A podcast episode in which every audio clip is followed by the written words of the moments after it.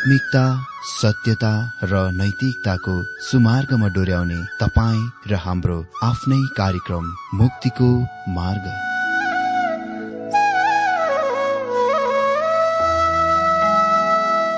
आदरणीय श्रोता यस मुक्तिको मार्ग कार्यक्रममा हार्दिक स्वागत छ। आशा छ यस आत्मिक कार्यक्रमद्वारा जीवनमा आत्मिक आशिष अलौकिक शान्ति र आनन्द प्राप्त गर्नुहुनेछ। र जीवनमा धन्य अनुभव गर्नुहुनेछ। आउनुहोस् श्रोता मन र आत्माको तयारीको लागि यो मिठो अनि मधुर भजन गीत सुनौ।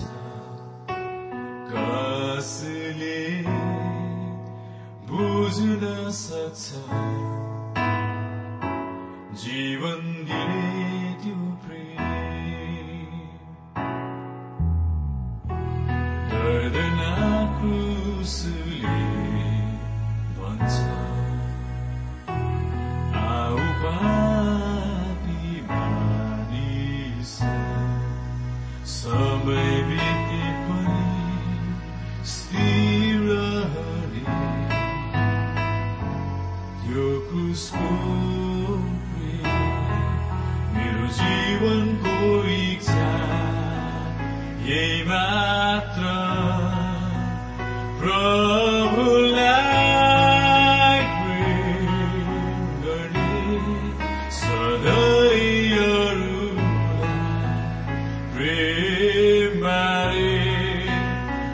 وتعود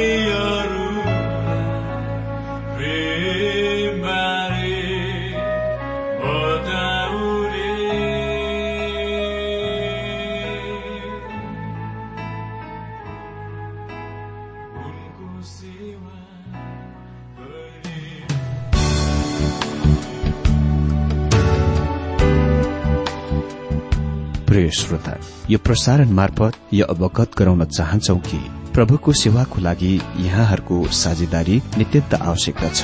यहाँहरूले प्रार्थनाको साथसाथै आर्थिक सहायता गर्न अनुरोध गर्दछौ। तपाईँहरूको सानो भन्दा सानो भेटी किन नहोस् हामी प्रभुको नाममा स्वीकार गर्नेछौ प्रभुको सेवाको लागि।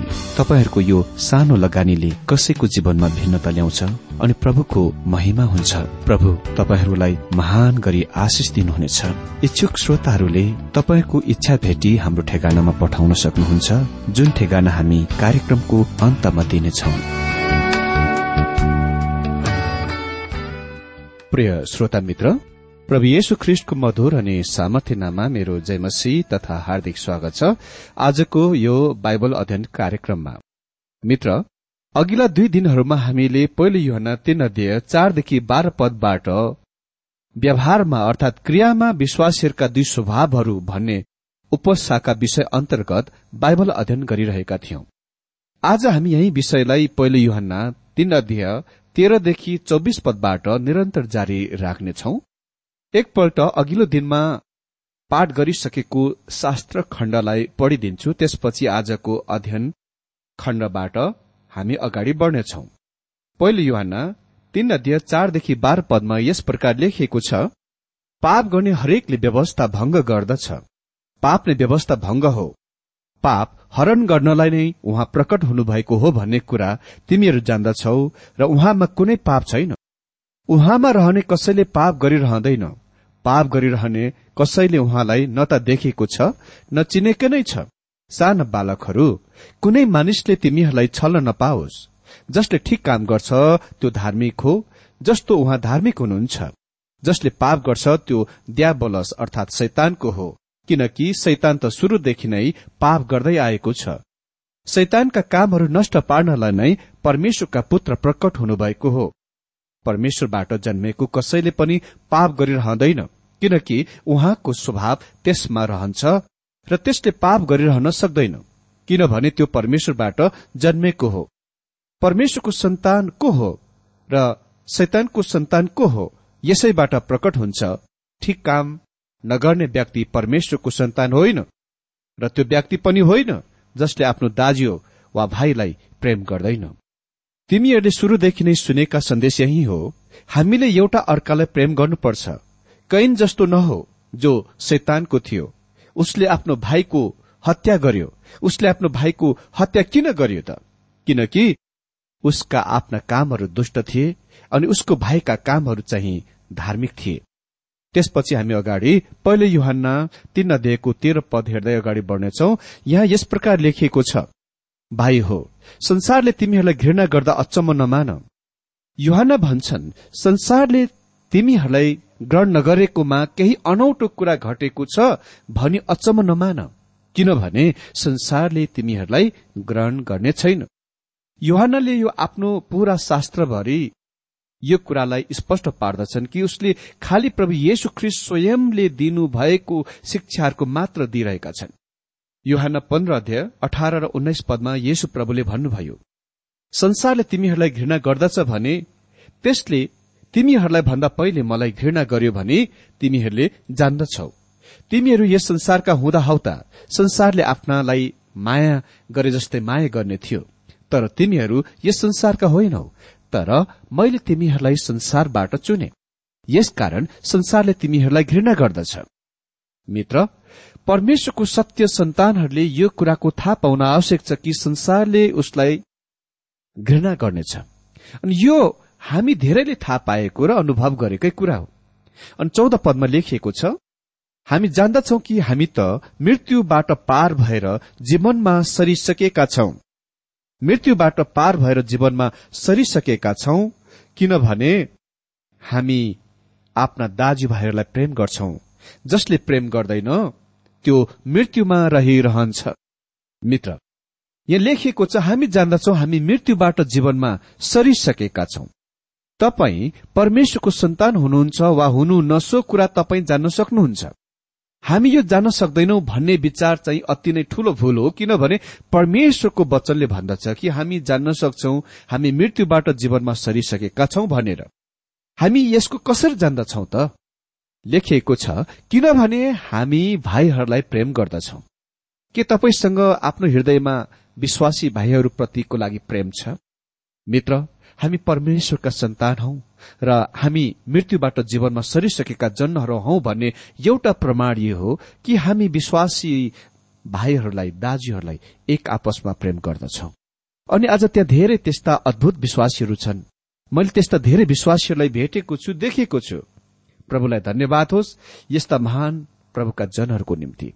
अनि यही मेरो प्रार्थना छ कि हामी प्रत्येक विश्वासीहरूको हृदय ख्रिष्टको प्रेमले भरिएको होस्। ताकि हामी यो संसारमा र एक आपसमा ख्रिष्टको प्रेमको प्रतिबिम्बित गरेर उहाँको प्रेमलाई प्रदर्शन गर्न सकौं र यसद्वारा उहाँको महिमा गर्न सकौं। अर्को शब्दमा हामी व्यवहारिक क्रिस्चियन हुनुपर्छ। खालि ओठे क्रिस्चियन मात्र होइन आज धेरै क्रिस्चियन भनाउँदाहरू त्यस वर्गका छन्।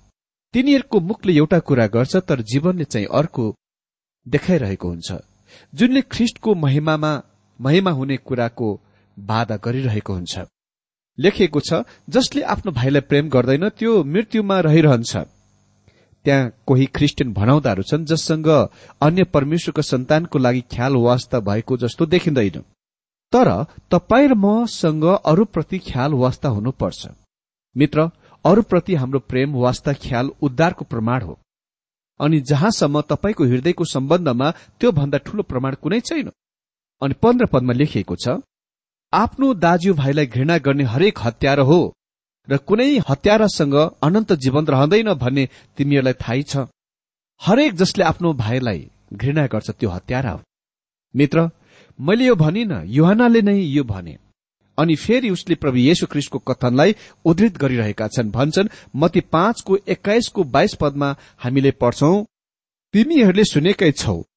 पुरानो समयकाहरूलाई यो भनिएको थियो तिमीहरूले हत्या नगर र जसले हत्या गर्ला त्यो न्यायको योग्य हुनेछ। तर म तिमीहरूलाई भन्दछु जो कोही आफ्नो भाइसँग बिना कारण रिसाउँछ त्यो न्यायको योग्य हुनेछ अनि जसले आफ्नो भाइलाई राका भन्ला त्यो महासभाको योग्य हुनेछ। तर जसले हे मूर्ख भन्ला त्यो नरकको आगोको योग्य हुनेछ। म तपाईँलाई भनौं यिनीहरू कठोर खालका वचनहरू हुन्। प्रभु येशुले भन्नुभयो यदि तपाईँसँग आफ्नो हृदयमा आफ्नो भाइप्रति घृणा छ भने यसको अर्थ यो हो तपाईँ हत्यारा हुनुहुन्छ। ईर्ष्या र डाहाले घृणातिर डोर्याउँछ अनि घृणा हत्या हो। आज कति धेरै आसपासमा हत्याराहरू छन्। यस नाप परमेश्वरले हाम्रो सामुने राखिदिनु भएको छ। आज जेल कैदमा भन्दा धेरै जेल बाहिर हत्याराहरू छन्। मलाई निश्चय छ तपाईँ यो कुराको थाहा गर्नुहुन्छ कि यो अनुच्छेदले सिकाउँदैन खास हत्यारा उद्धार पाउन सक्दैन। अह। ख्रिस्टले सम्पूर्ण पापहरूको लागि दण्डको दाम तिर्नुभयो चुक्ता गर्नुभयो। अरू त के? त्यस मानिसको पापको लागि पनि जसले अर्काको जीवन लियो हत्या गर्यो। तर जब कुनै मानिस उद्धार पाउँछ उनी कति पनि घृणामा रहने छैन। म तपाईँलाई यो कुराको पुनः याद दिलाउन चाहन्छु कि यस खण्डमा युहानको मुख्य जोड चाहिँ विश्वासका दुई स्वभावहरू हुन्। जब तपाईँ परमेश्वरको सन्तान बन्नुहुन्छ तपाईँ आफ्नो पुरानो स्वभावबाट मुक्त हुन सक्नुहुन्न। बरु तपाईँसँग दुई स्वभावहरू हुनेछन् पुरानो स्वभाव र नयाँ स्वभाव। हामीले देखिसकेका छौं नयाँ स्वभावमा स्वभाव मात्र एक त्यो स्वभाव हो जुनले परमेश्वरलाई प्रसन्न तुल्याउन चाहन्छ र तुल्याउन सक्छ। मानिस आफ्नो स्वाभाविक स्थितिमा परमेश्वरलाई प्रसन्न तुल्याउन अयोग्य छ। शारीरिक मन परमेश्वरको विरूद्ध शत्रुतामा छ। त्यसकारण विश्वासीहरूको रूपमा त्यहाँ त्यस्ता समयहरू छन् वा त्यस्ता समयहरू आउँछन् जब हामी प्रार्थना गरौं गरौं जस्तो लाग्छ वा प्रार्थना नगरौं नगरौं जस्तो पनि लाग्छ। र कहिले कहिले वचन पढौं पढौं जस्तो लाग्छ भजन गाउँ गाउँ जस्तो लाग्छ कहिले त्यो नगरौं नगरौं जस्तो लाग्छ। होइन र? मित्र हामीमा भित्र भएको नयाँ स्वभाव सधैँ ती कुराहरू गर्न चाहन्छ त्यो कुरा गर्न मन पराउँछ जुनले परमेश्वरलाई महिमा गर्दछ। तर हामी भित्र अर्को स्वभाव पनि छ त्यो पुरानो स्वभाव हो जुनले नयाँ स्वभावको ठिक विपरीतको काम गर्दछ। नयाँ स्वभाव सधैँ परमेश्वरको निकटतामा उहाँको आराधनामा उपासनामा र उहाँको प्रेमको गहिराईमा डुबेर रम्न चाहन्छ तर पुरानो स्वभाव चाहिँ उहाँबाट भाग्न र उहाँको इच्छा विपरीतका कुराहरू गर्न चाहन्छ। परमेश्वर भन्नुहुन्छ यदि तिमीहरू मेरा बच्चा सन्तानहरू हौ भने तब तिमीहरूले मेरो स्वभावको प्रदर्शन गर्नेछौ। तिमीहरू त्यो नयाँ स्वभावको प्रकट गर्नेछौ जुन मैले तिमीहरूमा हालिदिएको छु। अनि सोह्र पदमा लेखिएको छ यसैबाट प्रेम के हो हामी थाहा पाउँछौ कि उहाँले हाम्रा निम्ति आफ्नो प्राण दिनुभयो। हामीले पनि आफ्ना दाजुभाइहरूका निम्ति आफ्नो प्राण दिनुपर्छ। उहाँले हाम्रो निम्ति आफ्नो प्राणलाई अर्पण गर्नुभएको छ यसैबाट हामी परमेश्वरको प्रेमलाई थाहा पाउँछौ। अर्को शब्दमा यो उहाँको प्रेमको एक महान प्रमाण हो। अनि यो परमेश्वरले गर्ने प्रेमको तरिका हाम्रो निम्ति उदाहरण हुनुपर्छ। कसरी परमेश्वरले प्रेम गर्नुहुन्छ त? किनभने उहाँले हाम्रो निम्ति आफ्नो प्राण अर्पण गर्नुभएको छ। यो नै सिद्धान्त नियम हाम्रो सामने राखिएको छ। यही नै मापको हाम्रो सामने राखिएको छ। अनि हामीले भाइहरूको निम्ति आफ्ना प्राणहरूको पनि अर्पण गर्न सक्नुपर्छ। अहिले मलाई तपाईँको बारेमा थाहा छैन तर म मेरो जीवनमा त्यस स्थान वा त्यस लेभलसम्म आइपुगिसकेको छैन। तपाईँलाई थाहा छ कति धेरै मानिसहरू तपाईँको लागि आफ्नो जीवनहरूलाई अर्पण गर्छन् अनि हामी कतिजना हाम्रा आफ्नै जीवन कसैको लागि अर्पण गर्न इच्छुक हुन्छौं। आज हामी यस प्रकारको भावना वा आत्मा प्रकट भएको देख्दैनौ जबकि हुनुपर्ने। तैपनि मेरो हृदय अति नै धेरै गरी छोइएको छ जब म पहिलोपल्ट ठूलो रोगले ग्रसित थिएँ। किनभने धेरै मानिसहरूले मलाई यस्तो पत्र लेखेर भने मेरो त्यो रोग तिनीहरू स्वयंले लिन इच्छुक भए। तिनीहरू चाहन्थे कि मैले निरन्तर यो वचन सिकाउने रेडियो कार्यक्रमलाई जारी राखेको। मैले कहिले पनि र कति पनि त्यस्ता मानिसहरूको थाहा पाएको थिइनँ जो त्यस्तो स्थानको लिन इच्छुक थिए। निश्चय नै मलाई थाहा थियो कि ती मानिसहरू मेरो निम्ति त्यसको लिन सक्दैनथे। जब कुनै व्यक्तिसँग रोग हुन्छ त्यस मामलामा प्रत्येक व्यक्तिले उसको आफ्नै बोझ भारको आफैले बोक्दछ। यद्यपि तिनीहरूले मेरो रोग लिन नसके पनि त्यसको लिन तिनीहरूको इच्छुकताले मेरो जीवनमा र मेरो हृदयमा अति नै ठूलो प्रभाव पारेको छ। परमेश्वरले हामीलाई प्रेम गर्नुहुन्छ भने यो वास्तविक प्रमाण हो। उहाँले हाम्रो लागि मर्नलाई आफ्नो पुत्र येसु दिनुभयो। त्यो नै नापले तुलनीय सिद्धान्त हो। त्यही नै नाप हो तुलनीय सिद्धान्त हो। उहाँ हाम्रो उदाहरण हुनुहुन्छ र त्यसकारण युहान भन्छन् कि हामीले भाइहरूको लागि हाम्रा जीवनहरू अर्पण गर्न इच्छुक हुनुपर्छ। जबसम्म तपाईँ र म त्यस लेभल स्तरमा आउँदैनौ हामीले त्यो प्रेमको प्रदर्शन गरिरहेका छैनौ जुन भाइहरूको लागि हामीसँग हुनुपर्छ। अहिले यो प्रेम कसरी व्यवहार वा क्रियामा स्वयं काम गर्दछ त? सत्र पदमा लेखिएको छ कसैसित संसारको धन सम्पत्ति छ। र पनि आफ्ना दाजुभाइलाई खाँचोमा परेको देख्दा उनीहरूप्रति आफ्नो मन कठोर पार्छ भने परमेश्वरको प्रेमले कसरी त्यसमा बास गर्छ त? युहना भनिरहेका छन् कि प्रेम मनोभाव वा भावना होइन। त्यो एक त्यस्तो कुरा हो जुन स्वयं क्रियामा व्यवहारमा प्रकट हुन्छ। याकुबसँग पनि आफ्नो पुस्तकमा यसको बारेमा भने धेरै कुरा छ। त्यहाँ उसले लेखे याकुब दुईको पन्ध्र र सोह्र पदमा कोही भाइ बहिनीहरू नाङ्गो छ र दिनौ चाहिने खानेकुराको खाँचो छ अनि तिमीहरू मध्ये कसैले उनीहरूलाई भन्दछ शान्तिसित जाऊ। न्यानो भएर बस र पेटभरि खाऊ। तरै पनि तिमीहरूले उनीहरूलाई शरीरको लागि चाहिने कुराहरू चाहिँ दिएनौ भने फाइदा के भयो र? जब कुनै आवश्यकतामा पर्ने भाइ कुनै मानिसहरू कहाँ आउँदछ तिनीहरू खालि यो मात्र भन्छन् म तिम्रो लागि प्रार्थना गरिदेऊला नि। चिन्ता नगर। तर महत्वपूर्ण कुरा यो हो हामीले गरिरहेको काममा क्रियामा व्यवहारमा हाम्रो प्रेम प्रकट भएको छ या छैन? मित्र हाम्रो प्रेम क्रियामा व्यवहारमा प्रकट हुनुपर्छ। दाम्पत्य पारिवारिक परिस्थितिमा तपाईँ प्रेम गर्ने बारेमा कुरा गर्न सक्नुहुन्छ तर प्रेम विस्तारमा ओछ्यानमा बनाइँदैन। प्रेम भान्साघरमा अन्य स्त्री जातिहरूको निम्ति तय गरिएका दिनचर्याका कामहरूमा पनि बनाइदछ।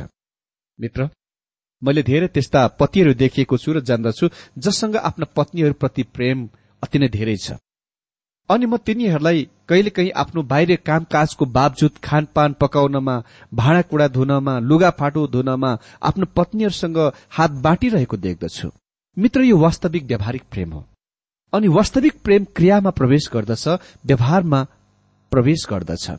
हामी त्यसको त्यो घर परिवारमा देख्छौ जहाँ त्यहाँ एक पुरूष र एक स्त्री बीच वा पति र पत्नी बीच प्रेम हुन्छ। तर विश्वासीहरूको बीचमा नि के? यो क्रियामा व्यवहारमा प्रवेश गर्नुपर्छ। यो एक आपसको लागि केही काम गर्न शुरू गर्नुपर्छ। मित्र जबसम्म यो कुरा विश्वासीहरूकोमा हुँदैन यो अति नै धेरै घटिया खालको खराब पाखण्डता हो। तपाईँ आफ्नो विश्वासी भाइहरूप्रति आफ्नो प्रेम तिनीहरूको निम्ति तपाईँले गर्नुहुने कुराद्वारा प्रकट गर्नुहुन्छ न कि तपाईँले खाली मुखले बोल्ने कुराद्वारा? मित्र वास्तविक प्रेम स्वयं र क्रियामा प्रकट हुन्छ। यदि तपाईँ कसैले प्रेम गर्नुहुन्छ भने तपाईँ उसको निम्ति उसको आवश्यकता अनुसार व्यावहारिकतामा क्रियामा केही काम निश्चय नै गर्नुहुन्छ। युहानले यहाँ हामीलाई स्पष्ट रूपले बताउँछन् कि यदि हामी परमेश्वरको सन्तानहरू हौ भने हामीले यो प्रेमको प्रकट गर्नै पर्दछ। अनि अठार पदमा लेखिएको छ साना बालकहरू वचन र बोलीले मात्र हामी प्रेम नगरौं तर काम र सत्यताले प्रेम गरौं। मित्र आत्मा बलिदानिक प्रेम हामी विश्वासीहरूको नातामा हुन आवश्यक छ। हाम्रा जीवनहरू नै दिनुपर्छ भन्ने कुनै जरुरी छैन तर निश्चय नै हाम्रा द्रव्यहरू चिजहरू रुपियाँ पैसाहरू आवश्यकतामा परेकाहरूलाई दिन सकिन्छ ख्रिस्टियानिटी प्रेम सम्बन्ध हो। अनि उन्नाइस पदमा लेखिएको छ जब हाम्रो हृदयले हामीलाई दोष दिन्छ हामी जान्दछौ परमेश्वर हाम्रो हृदयभन्दा महान हुनुहुन्छ र उहाँले सब थोक जान्नुहुन्छ। युहानले कुरा गरिरहेका यी चिजहरूलाई यदि हाम्रा जीवनहरूले प्रकट गर्दछौ भने हामीले भरोसा र निश्चयता पाउनेछौ जब हामी प्रार्थनामा परमेश्वरको सामने आउँछौ। युहानले यो स्पष्ट पारेका छन् कि ख्रिष्टको प्रकटतामा ख्रिष्टको आगमनमा शर्माउनु पर्ने सम्भावना छ।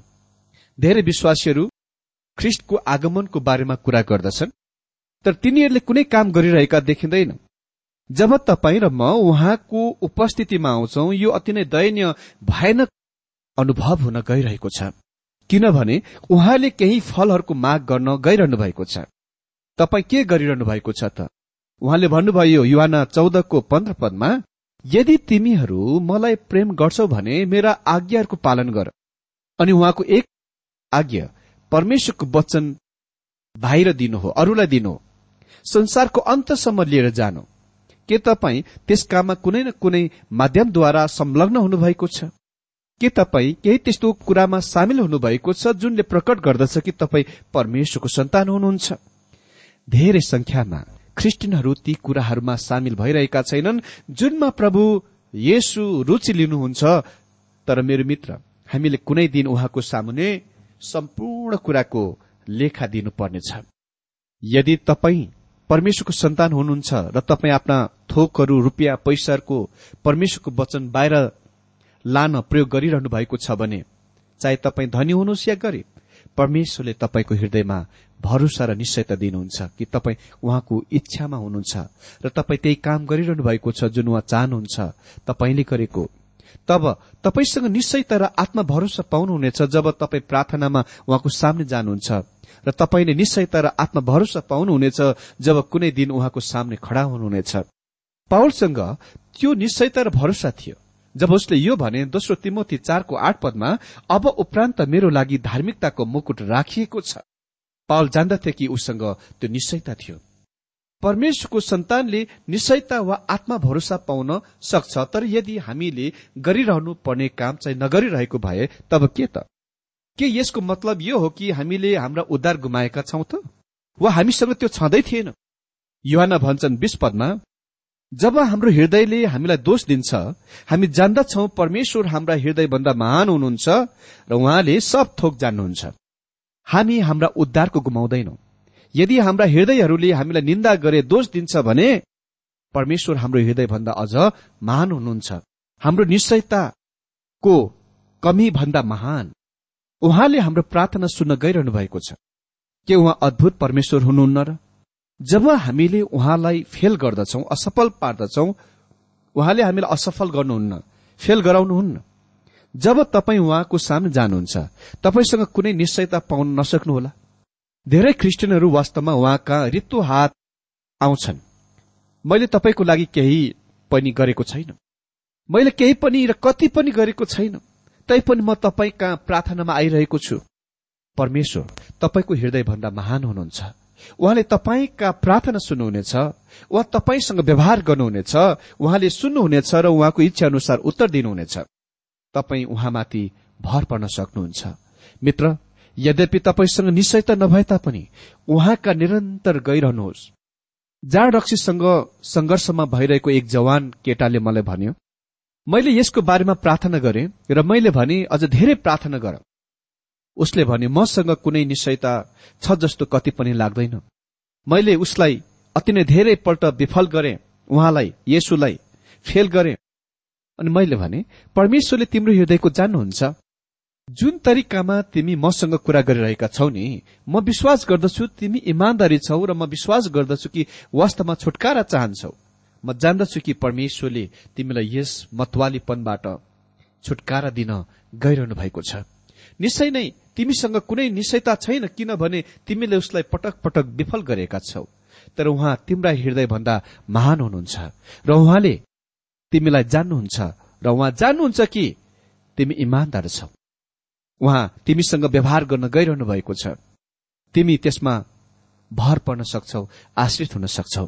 अनि एक्काइस पदमा लेखिएको छ प्रिय हो हाम्रो हृदयले हामीलाई दोष दिएन भने परमेश्वरको सामुने हामीलाई साहस हुन्छ।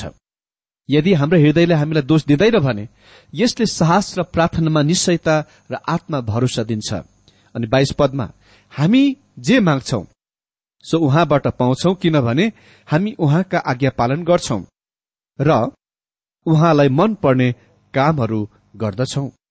क्रियामा व्यवहारमा प्रेमले प्रार्थनामा निश्चयता दिन्छ। जब तपाईँको जीवन परमेश्वरलाई प्रसन्न तुल्याउने खालको छ। उहाँले तपाईँको प्रार्थना सुनेको र त्यसको उत्तर दिनु हुने कुराको आशा गर्न सक्नुहुन्छ। त्यो नै एक त्यस्तो कुरा हो जुनको आज अति नै धेरै गरी आवश्यक छ। यो कुराको याद राखौं जब पहिलो शताब्दीका मण्डलीमा खेदो र सतावट आरम्भ भयो र चेलाहरूलाई येशुको नामको प्रचार गर्न रोक्न चेतावनी दिइयो। तिनीहरू आफ्ना भाइहरू भएतिर गएर यसको बारेमा तिनीहरूलाई बताए र सबै ती विश्वासीहरू प्रार्थनामा परमेश्वरतिर गए। तिनीहरूले प्रार्थना गरेनन् सतावत र खेदो रोकियोस् भनेर। तिनीहरूले त्यस प्रकारको प्रार्थना गरेनन्। तिनीहरूले आफ्नो प्रार्थना यो भन्दै प्रार्थना गरे प्रेरित चारको चौबिस पदमा प्रभु तपाई परमेश्वर हुनुहुन्छ।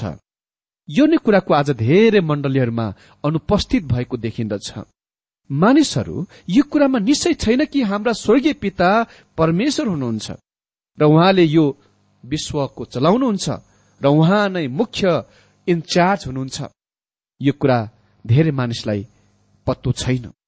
युवाना बन्छन् बाइस पदमा हामी जे माग्छौ सो उहाँबाट पाउँछौ किनभने हामी उहाँका आज्ञा पालन गर्छौ र उहाँलाई मन पर्ने कामहरू गर्दछौ। अनि तेइस पद उहाँको आज्ञा यही हो कि हामीले उहाँका पुत्र येशु ख्रिस्टको नाउँमा विश्वास गर्नुपर्छ र उहाँले हामीलाई आज्ञा दिनुभए बमोजिम एउटाले अर्कालाई प्रेम गर्नुपर्छ। अर्को शब्दमा युहान भन्छन् यो नभन तिमी उहाँमा विश्वास गर्छौ र त्यसपछि एक आपसमा प्रेम गर्न सक्दैनौ। अह एकै सासमा तिमी प्रभुको स्तुति प्रशंसा गर्छौ र भन्छौ कि प्रभु येशुलाई विश्वास भरोसा गर्छु भनेर। तर त्यसपछि तिमी भन्छौ कि त्यो फल्ना फल्नालाई कति धेरै म घृणा गर्छु मन पराउँदिन भनेर। युहना प्रेमको बारेमा कुरा गरिरहेका छैनन्। जुनमा तपाईँ खालि कुनै विश्वासीलाई अंगालो मान्नुहुन्छ र हातले थप पाउनुहुन्छ उनी तपाईँले कुरा गर्ने प्रेमको बारेमा कुरा गरिरहेका छैनन्। उसको प्रेम खालि तपाईँको ओठ र तपाईँको भाषा शब्दमा छैन। तपाईँको जीवनमा छ। यो व्यक्ति विशेषको लागि सत्य पक्का ख्याल वास्तामा व्यक्त गरिन्दछ। तपाईँ उसको बारेमा निन्दा आलोचना खण्डन गरिरहेको हुनुहुन्न। तपाईँ उसलाई कुनै पनि तरिकामा चोट पुर्याइरहेको हुनुहुन्न। तर तपाईँ उहाँको बारेमा वास्ता र ख्याल गर्ने हुनुहुनेछ। यो आज अति नै धेरै आवश्यक छ। अनि तेइस पदमा भनिएको छ उहाँको आज्ञा यही हो कि हामीले उहाँका पुत्र येशु ख्रिस्टको नाउँमा विश्वास गर्नुपर्छ र उहाँले हामीलाई आज्ञा दिनुभए बमोजिम एउटाले अर्कालाई प्रेम गर्नुपर्छ। अनि चौबिस पद उहाँका आज्ञा पालन गर्नेहरू सबै उहाँमा रहन्छन् र उहाँ तिनीहरूमा रहनुहुन्छ। उहाँले हामीलाई दिनुभएको पवित्र आत्माद्वारा हामी जान्दछौ कि उहाँ हामीमा बास गर्नुहुन्छ। मित्र पवित्र आत्माले यी कुराहरू हाम्रा हृदयहरूमा सिद्ध र पुष्टि गर्नुहुन्छ। यदि हामीले उहाँलाई स्वकित तुल्याउँदैनौ भने हामी पवित्र आत्मालाई स्वकित पार्छौं जब हामी उहाँको इच्छाको विपरीत गर्छौं। यसुले भन्नुभयो युवान चौधको पन्ध्र पदमा यदि तिमी मलाई प्रेम गर्छौ भने मेरो आज्ञाको पालन गर। यदि हामीले त्यो गर्दैनौ भने हामी पवित्र आत्मालाई शोकित दुखित बनाउँछौ। पवित्र आत्मा प्रत्येक विश्वासीहरूलाई दिइएको हुन्छ जुन पाओले रोमी आठ अध्ययको नौ पदमा स्पष्ट पार्दछन् के तपाईँ परमेश्वरको सन्तान हुनुहुन्छ? भन्ने चिनारी चिन्ह तपाईँमा पवित्र आत्माको स्थायी निवासस्थन छ। अनि यो नै पवित्र आत्माले यी कुराहरूको प्रमाणित गर्दछ र तपाईँका हृदयहरूमा यी कुराहरू स्पष्ट पार्नुहुनेछ। परमेश्वर आजको बाइबल अध्ययनद्वारा हरेकलाई धेरै धेरै आशिष दिनुभएको होस्।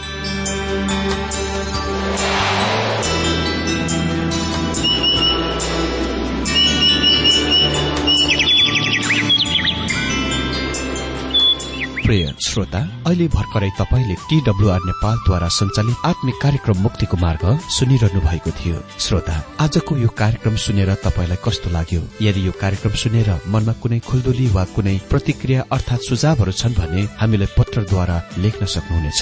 हामी हृदयदेखि नै स्वागत गर्नेछौ स्वीकार गर्नेछौ साथै बाइबल सम्बन्धित प्रचारहरू कार्यक्रम सारणीहरू हामी अनुरोधमा पठाउन सक्छौ। अनि तपाईँसँग कुनै प्रार्थनाको विषय छन् भने हामीले तपाईँको लागि प्रार्थना गरेको चाहनुहुन्छ। भने प्रभुमा आफ्नै परिवार सम्झेर हामीलाई पत्रमा लेख्न सक्नुहुनेछ। तपाईँको लागि हामी प्रभु येशुसँग प्रार्थना गर्नेछौ। अधिक जानकारी र पत्रचारको लागि हाम्रो ठेगाना यस प्रकार छ।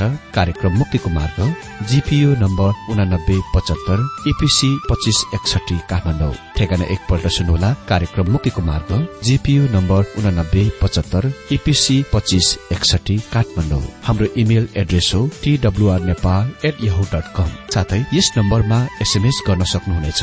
अन्ठानब्बे चार सत्तरी पैतिस छ सय उनासी नौ आठ चार सात जिरो तीन पाँच छ सात नौ। हुन्छ श्रोता आजलाई हामी विदा चाहन्छौ। अर्को कार्यक्रममा हामी पुनः भेट्नेछौ तबसम्मलाई नमस्कार।